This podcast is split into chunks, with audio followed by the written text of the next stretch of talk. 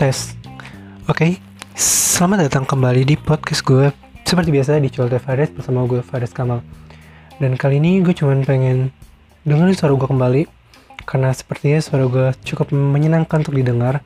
Dan ini adalah hal yang cukup menyenangkan untuk bisa berbagi bersama kalian. Adalah walaupun ini bukan hal yang baru karena gue udah ngejalanin secara rutin beberapa minggu yang lalu.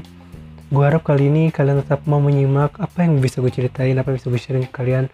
Walaupun ini mungkin kadang sampah, nyampah, dan hanya ya yeah, this is just waste your time man.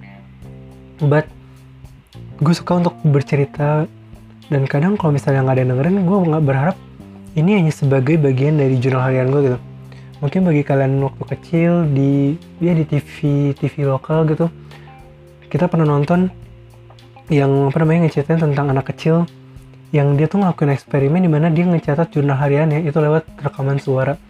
Dan itu tuh filmnya tuh ngeceritain tentang anak kecil yang berkhayal bisa melihat dinosaurus.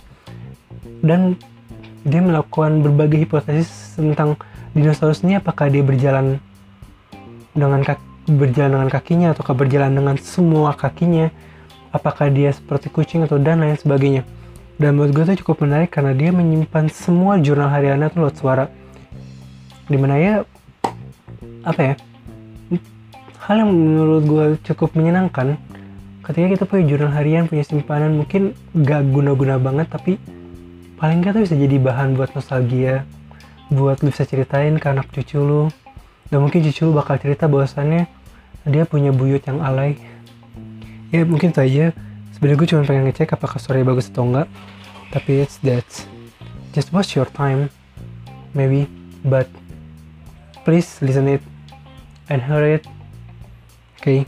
thanks terima kasih banget udah mau mendengarkan Terima kasih sudah mau menghabiskan waktu dengar celoteh gue yang kali ini sebenarnya nggak ada mungkin nggak ada manfaatnya tapi ya selamat datang di jurnal harian. selamat beraktivitas dan terima kasih.